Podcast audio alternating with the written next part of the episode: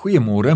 Mense reageer verskillend op verandering en beleef dit ook verskillend. Jy kry mense wat vinnig inkoop op verandering en ander neem weer 'n tyd voor hulle kan sien dat enigiets moet verander. Nou wonder ek, hoe is dit dat wisselende seisoene in die natuur ons nie ontstel nie? Sodra seisoene van 'n persoonlike aard in ons lewe begin wissel, raak ons baie gou senuweeagtig en dis asof ons nie weet wat om te doen nie. Ons raak so paniekerig wanneer ons sien dinge verander dat 'n mens sou dink dis die einde van alles. Verandering laat ons behoorlik wipplank ry. Te midde van sulke verandering stuur die Here iemand spesiaal om ons tot kalmte te bring. Jesus het vir sy volgelinge hierdie belofte gegee, die Trooster, die Heilige Gees, wat die Vader in sy naam gestuur het en hy sal julle alles leer en sal julle herinner aan alles wat ek vir julle gesê het. Vrede laat ek vir julle na my vrede gee ek julle laat julle hart nie ontstel word en bang wees nie. Daar's 'n mooi versie ook in Eksodus 15 vers 11 wat sê Wie van die gode kan met U vergelyk word, Here?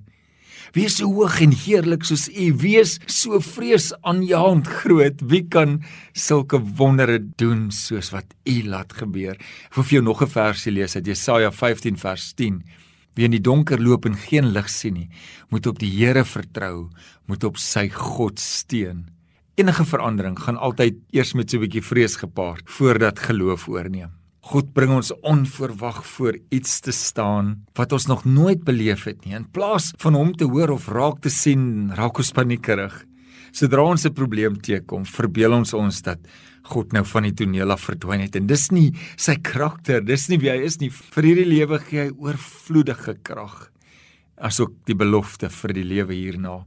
Moenie bang wees as jy in 'n moeilike posisie kom of 'n nuwe seisoen oor jou lewe begin gebeur nie. Hy wil graag hê jy moet droom oor die dag wanneer jy sy hand op jou skouer voel en hy sê mooi so goeie en getroue dienskneg. Onthou dat as enigiets op 'n groei sterf dit. Niks bly soos dit is nie. Gemeenskappe of kerke en veral mense moet nuut word, weergebore word. Onthou net verandering begin by my en jou.